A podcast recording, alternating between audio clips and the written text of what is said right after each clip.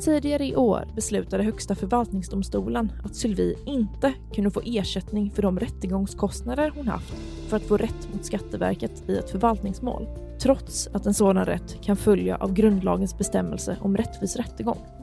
Istället hänvisades hon till att begära skadestånd för sina kostnader i ett nytt förfarande mot staten. Med hjälp av Centrum för rättvisa stämmer Sylvie nu staten i tingsrätt för att få sina rättegångskostnader ersatta och för att få klarhet i hur sådana anspråk ska hanteras framöver.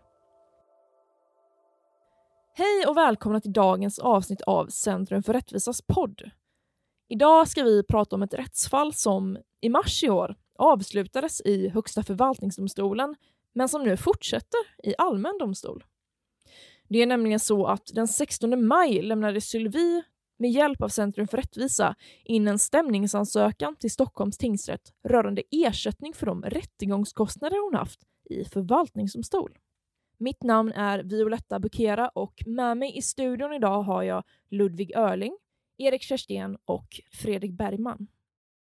Hur började Sylvis ärende i domstol? Det började från början med att Sylvie, hon är medborgare i Frankrike och i Sverige. Hon ansökte om att byta efternamn i Frankrike och beviljades detta. Och det här ville hon göra även i Sverige, byta till samma efternamn. Men det ansåg Skatteverket att det inte var möjligt enligt den svenska namnlagen eftersom man tyckte att det var för likt ett företagsnamn. Och det här var egentligen starten på en process som pågick då i Skatteverket först och sen i förvaltningsrätten, kammarrätten och målet gick hela vägen upp till Högsta förvaltningsdomstolen. Och eh, Sylvie vann till slut i kammarrätten och i Högsta förvaltningsdomstolen och för att kunna vinna mot Skatteverket så eh, behövde hon anlita juridiskt ombud i olika omgångar. Frågan i det här målet så är egentligen om eh, Sylvie har rätt att få de här ombudskostnaderna ersatta. Centrum för rättvisa kom ju in i det här målet först i Högsta förvaltningsdomstolen. Hur kommer det sig att ni tog er an det här målet? Vi blev uppmärksammade på att i den här domen säger då Högsta förvaltningsdomstolen att för det första då att hon har vunnit, men sen också att man då skulle pröva frågan om rättegångskostnader i plenum. Och då blev det här en, en, en nyhet eh, och eh, jag tror att det var Sebastian Weidal som tipsade oss om att Högsta förvaltningsdomstolen hade bestämt att pröva frågan om, om rättegångskostnader. Vi tittade på det här ärendet och såg då att eh, Sylvie hade inget ombud i den här frågan. Hon företräddes inte av någon jurist och eh, med tanke på att frågan är av så stor principiell betydelse så erbjöd vi eh, oss att eh, vara Sylvies ombud i den här frågan om rättegångskostnader nu skulle man ändå pröva den frågan med hänvisning till rätten till rättvis rättegång och att den var så pass komplicerad. Jag tyckte att här är det nog eh, rätt klokt att, att eh, Högsta förvaltningsdomstolen får höra eh, bägge sidor. Det, var ju, eh, det här är ju ändå ett mål mellan en enskild, Sylvie å ena sidan och Skatteverket på andra sidan, så att vi ville hjälpa henne i den här frågan. Okej, så frågan som det var tänkt att Högsta förvaltningsdomstolen skulle svara på är om enskilda kan få ersättning för sina rättegångskostnader i förvaltningsdomstol. Hur såg rättsläget ut innan Högsta förvaltningsdomstolen fattade sitt beslut i det här fallet? Har man som enskild kunnat få den här typen av ersättning tidigare? Nej, egentligen inte. Sedan länge i Sverige så gäller ju eh, den så kallade kvittningsprincipen i förvaltningsprocess som ju innebär att eh, var part står för sina egna rättegångskostnader det har varit tal om om man ska införa en rätt för enskilda att få sina rättegångskostnader ersatta i förvaltningsprocess när man har vunnit mot det allmänna. Det har varit föremål för lagstiftningsarbete i flera omgångar men aldrig lett till någon produkt så att säga. Så att enskilda har då i regel inte eh, rätt att få sina eh, rättegångskostnader ersatta i förvaltningsmål. Okej, så utgångspunkten är att det är principen om kvittning som gäller i förvaltningsdomstol. Har man någonsin gjort avsteg från den här principen? Eh, nej, som, som, Ludvig säger, så enligt, enligt lagen så, så, finns det ingen rätt. Och den ursprungliga liksom, motiveringen till det systemet, det finns ingen reglering i lagen och det beror på att processen i förvaltningsrätter är eh, förenklad och man säger att domstolen måste iaktta officialprincipen och myndigheten har också en utredningsskyldighet. Så, eh, tanken bakom detta är att det ska vara så pass enkelt för enskilda att överklaga myndighetsbeslut som det handlar om, att det inte är motiverat att man eh, också ska behöva anlita ombud. Det som har hänt i eh, praxisväg är att dels att Europadomstolen har tagit ställning till den här frågan i olika omgångar och då har man slagit fast att det finns fall där artikel 6, alltså rätten till en rättvis rättegång i Europakonventionen, innebär att enskilda under vissa förutsättningar måste få rätt till ersättning för rättegångskostnader när man vinner mot det allmänna. Det har Högsta domstolen också tagit fasta på och slagit fast, också i ett plenummål från 2015, där man har slagit fast att rätten till rättvis rättegång i andra kapitlet regeringsformen har motsvarande innebörd. Så Högsta domstolen har slagit fast detta och bekräftat det i ett antal mål. Och det är det som har gjort att den här frågan har blivit aktuell. Den har legat och bubblat lite för att det viktiga är ju här om enskilda har det i förvaltningsmål. Det är en betydligt större fråga än vad Högsta domstolen har tagit ställning till. Så när, när vi såg att det, det, skulle avgöras i plenum så förstod vi direkt att det här, det här är viktigt. Liksom. Så det du säger egentligen är att Högsta domstolen har sagt att i vissa fall kan enskilda ha rätt till ersättning för sina ombudskostnader i förvaltningsmål och det enligt artikel 6. Ja, egentligen enligt den svenska grundlagen, så enligt eh, andra kapitlet 11 paragrafen regeringsformen. Men det, det är grundat på en, eh, vad Europadomstolen har sagt om innebörden av artikel 6 det som är lite bekant med den här domstolspraxisen som Erik redogör för från, från Högsta domstolen, då, det första rättsfallet, är det för rättegångskostnaderna från 2015 var ju att normalt sett i mål som handläggs i allmän domstol, alltså tingsrätt, hovrätt, Högsta domstolen, då finns det ju regler om fördelning av rättegångskostnader. Så att normalt sett så är det ju då den förlorande parten som ska betala motpartens rättegångskostnader. Utan den här frågan då, som prövades i Högsta domstolen var att de allmänna domstolarna har liksom ett, ett fåtal mål som handläggs enligt en särskild lag om domstolsärenden. Och vad man kan säga om den här lagen om domstolsärenden är att den liknar väldigt mycket förvaltningsprocesslagen. Eh, så att om man vill förenkla kan man säga att allmän domstol har en liten andel förvaltningsmål. Det som var liksom lite pikant då är att Högsta domstolen i de här fallen uttalar då att om det inte finns en rätt för enskilda som vinner mot staten att få ersättning för rättegångskostnader enligt lagen, i det här fallet och lagen om domstolsärenden, då kan de få det grundat på grundlagen.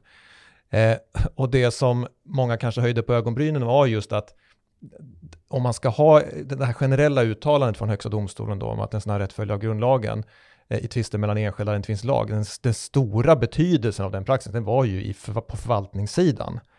Och då började man fundera på, har Högsta domstolen nu egentligen uttalat sig om någonting som Högsta förvaltningsdomstolen ska säga?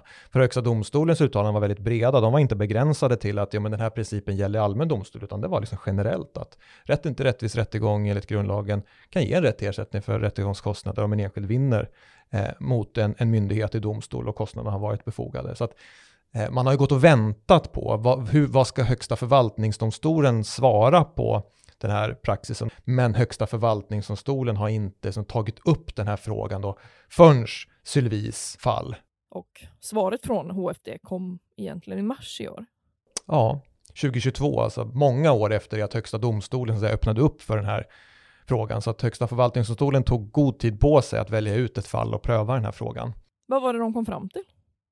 De bekräftar ju det Högsta domstolen redan har slagit fast, då, bland annat i det här målet från 2015, att om en enskild har haft befogade rättegångskostnader och vunnit mot det allmänna så har man en rätt att få de kostnaderna ersatta. Så det slår man ju fast att det gäller också i förvaltningsmål. Men sen anser ju då majoriteten att de här kostnaderna inte behöver ersättas direkt i förvaltningsmålet och att det finns inget lagligt stöd för förvaltningsdomstol att utge eh, sådana kostnader. Så att sådana yrkanden ska helt enkelt avvisas. Lite dubbla budskap kan man ju säga där, att å ena sidan då så bekräftar Högsta förvaltningsdomstolen att personer kan då processa genom förvaltningssystemet och vinna mot myndigheterna och då ha en, en rätt grundad på kanske både grundlagen och Europakonventionen att få sina rättegångskostnader ersatta. Men inte här, anser Högsta förvaltningsdomstolen. Så att eh, Högsta förvaltningsdomstolen säger då att man ska även fortsättningsvis avvisa sådana här yrkanden trots att det kan finnas en, en rätt till ersättning enligt, enligt grundlagen.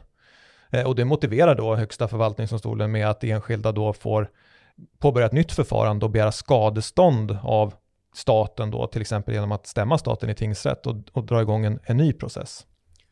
Och det kan man ju säga att det finns en viss konflikt där mellan hur Högsta domstolen har bedömt frågan. För Högsta domstolen har ju kunnat tillämpa grundlagsbestämmelsen att den utgör tillräcklig lagstöd för att kunna besluta om eh, rättegångskostnadsfördelningen eh, i ett antal fall sedan 2015 då.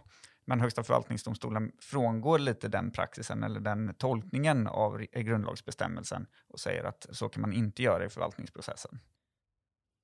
Okej, så Högsta förvaltningsdomstolen säger egentligen att yrkanden om ersättning för rättegångskostnader ska avvisas. Vad är det för skillnad mellan att avvisa och avslå ett yrkande? Avvisning av ett yrkande, det gör ju en domstol när man bedömer att det finns inte liksom laglig grund att ens pröva yrkandet. Så att man säger, det handlar inte om att personen inte, alltså att det finns en möjlighet till ersättning, men att man inte uppfyllt de villkoren, utan här säger man att det finns inte ens ett lagligt stöd att pröva eh, det här yrkandet. Och det, det är väl, ska man säga, en av de kanske svagaste punkterna i Högsta förvaltningsdomstolens avgörande, just det här med att man kommer fram till att det i och för sig finns en rätt till ersättning enligt grundlagen.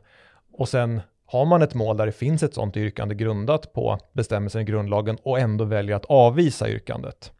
Eh, det är ju en del i beslutet som fått hård kritik och inte minst då av de eh, sex skiljaktiga ledamöterna i Högsta förvaltningsdomstolen. För det ska man säga att det här var inte ett enhälligt beslut från justitieråden i Högsta förvaltningsdomstolen, utan det var en skarp dissens då, så att det var, de var 15 totalt som dömde i målet och det var då nio i majoriteten och sex i minoriteten och de hade alltså helt olika uppfattning av hur den här frågan skulle bedömas.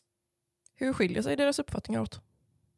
Man kan lite förenklat beskriva det som att det skiljer sig åt i två avseenden. Den ena är den frågan som vi just har pratat om, att eh, när kan eh, en eh, allmän förvaltningsdomstol avvisa ett yrkande under vissa förutsättningar? Och där tycker minoriteten att det krävs egentligen att det föreligger ett hinder mot prövning, typ att en domstol inte har behörighet att pröva en viss fråga, men i övriga fall så ska man alltid göra en materiell prövning. Det borde Högsta förvaltningsdomstolen, alltså majoriteten, ha gjort. Och det är ju en ganska stor skillnad att antingen så ska Sylvis yrkande prövas eller så ska det helt avvisas.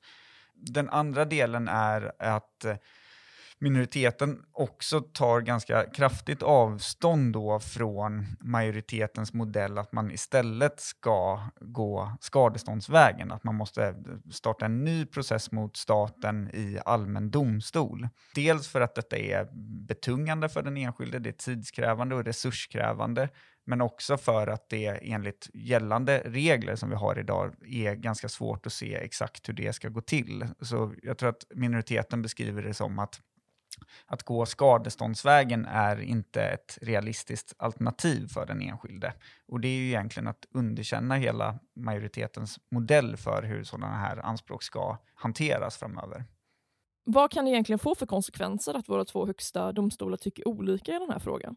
Ja, det är ju, är ju en väldigt ovanlig situation att man har våra två högsta domstolar då som tolkar samma bestämmelse i grundlagen som pratar om rättvis rättegång och att man inte är överens om vad som är grundläggande principer för en rättvis rättegång.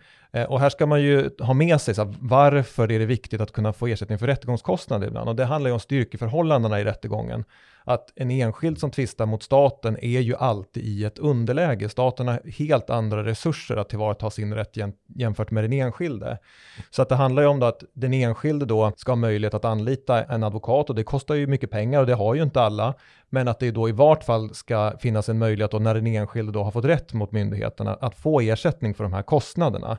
Och det här bygger ju sin tur på en tanke om att alltså man ska inte behöva betala när myndigheterna har gjort fel. Alltså om en myndighet fattar ett felaktigt beslut och griper in mot enskilda och det är en komplicerad fråga där man behöver en advokat för att kunna då liksom överklaga med framgång, så är det liksom orimligt att enskilda ska behöva stå den kostnaden. Det är det här Högsta domstolen tagit fasta då på att det handlar om att jämna ut en, en obalans mellan enskilda och staten när staten har gjort fel. Och det här menar man då, det är liksom grundläggande för vad som är en rättvis rättegång. Så att det här handlar ju om väldigt grundläggande rättssäkerhetsprinciper där nu Högsta domstolen, Högsta förvaltningsdomstolen har olika uppfattning om hur den här ska säga, rättigheten ska tillvaratas. För det här är ju liksom lite krångligt där med att Högsta förvaltningsdomstolen säger att man har, kan i och för sig ha en rätt till ersättning även i förvaltningsmål, men den får man liksom söka någon annanstans. Eh, för det handlar ju liksom om att det är liksom lite det som är problemet att man hänvisas till att driva en ny process i allmän domstol Eh, som ju är mycket svårare att driva än en process i, i, i förvaltningsdomstol. Den, den rimliga ordningen hade varit då att Högsta förvaltningsdomstolen hade prövat om de här kostnaderna var befogade och i så fall om hon då enligt grundlagen har rätt att få dem ersatta och hade man kommit fram till det så hade man utgett den här ersättningen så hade processen varit avslutad. Det som händer nu är att Högsta förvaltningsdomstolen då avvisar det här yrkandet. De säger att ja, men det kan vara så att du har rätt, men vi tänker inte ens pröva det. Om du vill ha då en, en rättvis rättegång så får du stämma staten i tingsrätten. Och där kan man ju säga att, att driva en process i tingsrätt, det är mycket svårare än att driva en process i förvaltningsrätt, så att där behöver enskilda normalt sett anlita advokat på nytt. Vill det sig verkligen illa så handlar det om att enskilda måste processa upp till sex instanser på egen kostnadsrisk för att få sin rätt till rättvis rättegång. Och när man beskriver på det här sättet så är det som rätt uppenbart att det här är ju ett problem och det kommer bli väldigt svårt för enskilda att få sin ersättning jämfört med att en förvaltningsrätt bara beslutar som en liten del av målet, ja du vann, du var befogat av kostnader, här får du din ersättning och sen är det fine. Istället så ska man dra igång ett nytt förfarande. Det, det blir orimligt. Samtidigt så säger ju Högsta förvaltningsdomstolen också att enskilda aldrig har haft en rätt till ersättning för sina rättegångskostnader i förvaltningsdomstol och att det är en fråga för lagstiftaren om man ska införa en sådan rätt eller inte. Är inte det rimligt? Ja, absolut. Och det, det, får man ha full förståelse för att det här är ju inte en helt enkel fråga för Högsta förvaltningsdomstolen att ta ställning till eftersom eh, det skulle innebära en, en stor reform av systemet om man hade gått helt på Högsta domstolens linje. Det hade väckt en, ett antal praktiska frågor om är det alla typer av förvaltningsmål? Är det någon form av tröskel som krävs? Att det ska vara tillräckligt komplicerat eller att det ska röra ett tillräckligt högt belopp? Det finns en rad sådana praktiska frågor som Högsta förvaltningsdomstolen också nämner i ett, tillägg från en av eh, justitieråden. Och man kan ju misstänka också att det är de här praktiska bekymren som, som ligger bakom till viss del eh, Högsta förvaltningsdomstolens slutsats. Problemet med det är att det följer redan av praxis idag att enskilda har en rätt till ersättning i de här frågorna. Så det är inte en fråga som man egentligen kan skjuta över till lagstiftaren, utan den rätten finns redan idag. Och det som blir lite märkligt i majoritetens modell då är att man egentligen absolut hänvisar frågan till lagstiftaren, men också till allmän domstol. Och då de praktiska problemen som fanns i det här målet, eller i, i systemet, försvinner ju inte bara av att man hänskjuter frågan till allmän domstol. Okej, så HFD hänvisade Sylvie till att framställa ett skadeståndsyrkande i allmän domstol och som vi tidigare nämnde så lämnades den stämningsansökan in till Stockholms tingsrätt den 16 mars. Då är min fråga egentligen, hur lägger man upp en stämningsansökan i ett sånt här fall? Det har ju redan prövats i högsta instans. Vad är liksom vad är tankegången när man skriver den här stämningsansökan? Hur tar man sig an den? Ja, det är en bra fråga och en fråga som eh, vi dividerade fram och tillbaka. Eh, men vi har ju lagt upp det eh, på så sätt att vi eh, i första hand menar att eh, Högsta förvaltningsdomstolen gjorde fel när de avvisade Sylvis yrkande och därför menar vi i första hand på att staten ska utge skadestånd till henne motsvarande rättegångskostnaderna. Sen så har vi ett antal alternativa grunder där vi menar på att man ju, precis som Högsta domstolen har gjort i det här målet från 2015 och därefter, men utge eh, rättegångskostnader med direkt tillämpning av grundlagsbestämmelsen i andra kapitlet 11 paragrafen regeringsformen, men också artikel 6 Europakonventionen och eh, artikel 47 i EU-stadgan. Sen om man inte heller tycker det är en, en, god idé eller att tingsrätten av någon anledning inte skulle finna skäl att tillämpa de bestämmelserna direkt, då menar vi på att eh, hon i likhet med vad alltså förvaltningsdomstolen uppmanar Sylvie till att göra, så menar vi att, att, att tingsrätten ska utge eh, skadestånd det Högsta förvaltningsdomstolen menar är ju att eh, det är förenligt med Sylvis rätt till en rättvis rättegång att hon inte fick ersättning för de här kostnaderna i, direkt i förvaltningsmålet. Samtidigt så eh, uppmanar man henne till att söka skadestånd. Eh, och en grundläggande förutsättning för att hon ska få skadestånd är att det har skett en överträdelse av hennes rätt till en rättvis rättegång. Därför blir det lite konstigt att hänvisa henne just till en skadeståndstalan. Men där har vi menat, då, eh, menat på att man antingen kan tolka skadeståndsbestämmelserna konventionskonformt eller grundlagskonformt på så sätt att man utger skadestånd fast det inte har skett någon överträdelse än. Eller då eh, i sista hand så menar vi på att om tingsrätten har prövat alla de här olika grunderna och ändå inte eh, hittat något stöd för att utge skadestånd eller eh, utge eh, ersättning för rättegångskostnader, ja, då, då eh, har det ju skett en fullbordad överträdelse av hennes rätt till en rättvis rättegång och då menar vi ju på att då är ju liksom alla rekvisit för skadestånd uppfyllda. Så egentligen så ger Högsta förvaltningsdomstolen i det här beslutet inte riktigt någon hänvisning till vilken grund den här, det här skadeståndet ska ges ut. Det där var en, eh, en väldigt knepig fråga. Alltså vad, vad är det för grund för det här skadeståndsyrkandet? Och, och eh, eh här fick vi välja en något annorlunda strategi jämfört med hur vi brukar lägga upp en stämningsansökan i våra mål där vi eh, från början då har en rätt tydlig bild av vad vi anser vilket fel som en myndighet har begått och vilken rättslig grund man ska åberopa som stöd för ett, ett skadeståndsyrkande. Men här är det då precis som minoriteten anger i sin, sina, i sin skiljaktiga mening och tillägg inte riktigt tydligt vilken skadeståndsgrund man får använda för att då i efterhand utge ersättning för rättegångskostnaderna. Så att här fick vi helt enkelt då identifiera en, en bruttolista med olika tänkbara rättsliga grunder. Så att, och, och, så att det har landat i att vi har fyra alternativa grunder till stöd för då samma yrkande. Och yrkandet är ju då att, eh, Sylvi, alltså att staten då ska betala de här motsvarande, belopp motsvarande rättegångskostnad till sylvi antingen i form av skadestånd eller som rättegångskostnader. Och sen har vi fyra rätt tekniska olika grunder där vi egentligen överlämnar åt staten och domstolen att bedöma vilken av de här som fungerar. Så att vi har, vi har försökt ha en, en rätt ödmjuk approach i frågan och liksom egentligen instämt i minoritetens bedömning att det är, vad vi vet är att hon har rätt att få frågan prövad. Vår uppfattning är att hon har rätt till ersättning enligt grundlagen, men frågan vilken rättslig grund kan domstolen använda då för att förplikta staten att betala? Det är oklart. Så det ska bli jättespännande att se först då vad, vad staten säger. Håller de med oss att de här grunderna går att använda, eller någon av dem i alla fall? man kan ju säga det som, som, du är inne på, så minoriteten beskriver ju detta som, är det verkligen ett realistiskt alternativ för den enskilde? Så att minoriteten har ju i den skiljaktiga meningen gått igenom tydligt svårigheterna med att kräva skadestånd i den här situationen. Och det bottnar i grunden i att för att man ska kunna få skadestånd så krävs det eh, att det har skett en rättighetsöverträdelse. Och som majoriteten ser på den här frågan så har det inte skett en rättighetsöverträdelse eftersom Sylvie har möjlighet att väcka skadeståndstalan. Så det blir ett litet cirkelargument där som vi har varit tvungna att, att försöka förhålla oss till.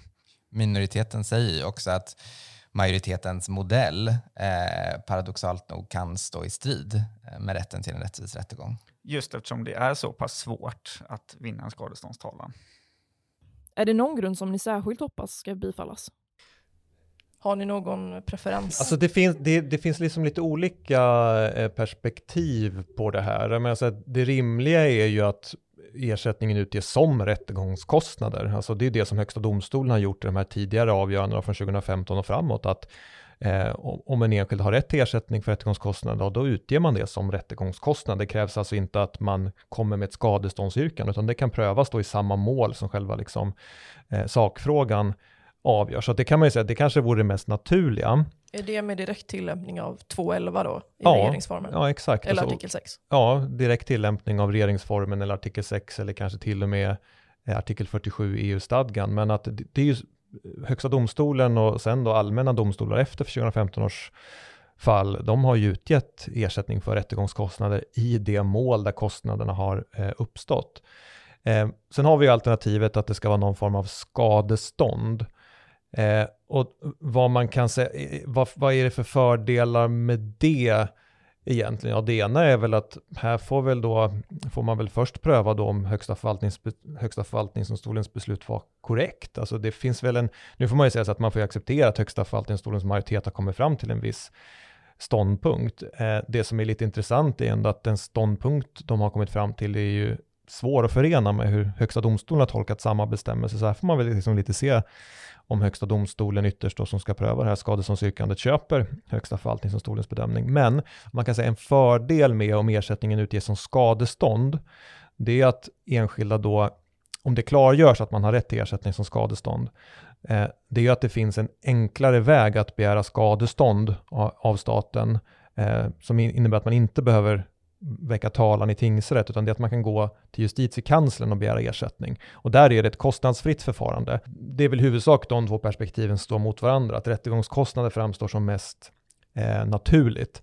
Men skadest, att kalla det för skadestånd skulle kunna ha den fördelen då att man kan då kostnadsfritt ansöka om ersättning hos justitiekanslern då efter att man har då vunnit i förvaltningsmålet. En del av syftet i att, att Sylvie driver det här målet och att vi driver det här målet nu i allmän domstol är ju att vi vill göra det här systemet så, så enkelt som möjligt för enskilda att kunna få ersättning som de enligt grundlagen har rätt till nu under någon form av period fram tills dess att, att det faktiskt kan ske en förändring. För det, det tror jag är det rimliga sättet att se på det, att någon gång så måste det ske i förvaltningsdomstolarna. Högsta förvaltningsdomstolen har ju på sätt och vis passat den här frågan till lagstiftaren. Tror ni att de kommer ta tag i det här? Man kommer behöva göra det. Eh, vi vet att den här domen eh, analyseras på justitiedepartementet. Man borde nog ha ska säga, varit lite mer proaktiv i den här frågan från justitiedepartementets sida redan efter den här, de här domarna från, eh, från högsta Eh, domstolen 2015. Men det har också kommit några ska säga, klargörande domar från Europadomstolen rätt nyligen, 2020 och 2021, som jag tror ändå bör föranleda justitiedepartementet att faktiskt eh, titta på den här frågan. Sen är det ju massvis med andra frågor såklart som är, kanske står hö högre upp på den politiska dagordningen, men jag tror att vi i slutändan kommer behöva reformera systemet och, och föra in en lagbestämmelse om att man har rätt till ersättning för rättegångskostnader i förvaltningsmål i, i vissa situationer. Det tror jag vi ser framför oss. Sen är det en fråga om hur snabbt det kommer gå. Um, det är en annan fråga. Vad tror ni om chanserna för det här målet att gå hela vägen till högsta instans? Jag tror att det här målet måste avgöras i högsta domstolen på grund av det här väldigt unika då att högsta förvaltningsdomstolen eh, i viss i vissa avseenden får sägas ha liksom, eh, gjort en annan tolkning av grundlagen än vad högsta domstolen har gjort. Så jag tror inte att vare sig en tingsrätt eller en hovrätt är, är rätt forum för att ytterst avgöra den här frågan, utan det, det behövs nog ett, ett klargörande från högsta domstolen hur man då eh, framåt nu ska pröva sådana här anspråk på eh, rättegångskostnader från förvaltningsmålen. Är hissen till HD ett alternativ, tror ni? Det, det är absolut ett, ett, ett alternativ. Hissdispens innebär ju att, då att man stämmer i tingsrätt men att man kan komma överens med motparten och domstolen att man ska då skicka en rättsfråga till högsta domstolen att avgöra. Det skulle till exempel då kunna vara på vilken grund man kan pröva det här anspråket. Så att det är ingenting vi har begärt i stämningsansökan, men det är möjligt att det aktualiseras under målets handläggning i tingsrätten. Okej, så stämningsansökan är inlämnad. Vad är det som händer nu? Vi stämde nu för bara någon vecka sedan, så nu ska staten som företräds av justitiekanslern eh, läsa stämningsansökan och sätta sig in i ärendet och sen så ska de eh, ge in eh, svar och mål, vilket sannolikt blir efter sommaren. Ja, det ska bli väldigt spännande att ehm, Just eftersom eller den här stämningsansökan är ju ehm, formulerad på ett ganska speciellt sätt i och med att vi då har radat upp eh, ganska många eh, olika grunder och inte tagit, ehm, tagit så tydlig ställning kring vad vad som är bäst, utan snarare att, att, att staten genom justitiekanslern också får, ja, då får möjlighet att, att återkomma eh, kring hur de ser på den här saken eh, och på vilken rättslig grund som, som ersättning eh, lämpligast kan utges. Okej. Och slutligen då. Vad kan den här processen i allmän domstol komma att få för betydelse för enskilda och deras tillgång till rättvisa? Den här processen som, som, som vi driver nu, den handlar framför allt om att man får dra konsekvenserna av Högsta förvaltningsdomstolens beslut, att, att de har sagt att åtminstone tills vidare så tänker inte, ska inte förvaltningsdomstolarna pröva sådana anspråk, men att enskilda ändå kan ha rätt att få ersättning. Eh, och med tanke på den rättsoklarhet som har uppstått så ser vi vårt uppdrag här som ett sätt att, att, att reda ut hur ska enskilda gå tillväga för att få ersättning. Vi ska försöka göra det så enkelt som möjligt för de människor som då har haft ombud i förvaltningsdomstolar och har vunnit, att de ska veta hur de får ersättning. Så att det handlar ju i allra högsta grad om om att, att hjälpa människor att tillvarata sin rätt till rättvis rättegång.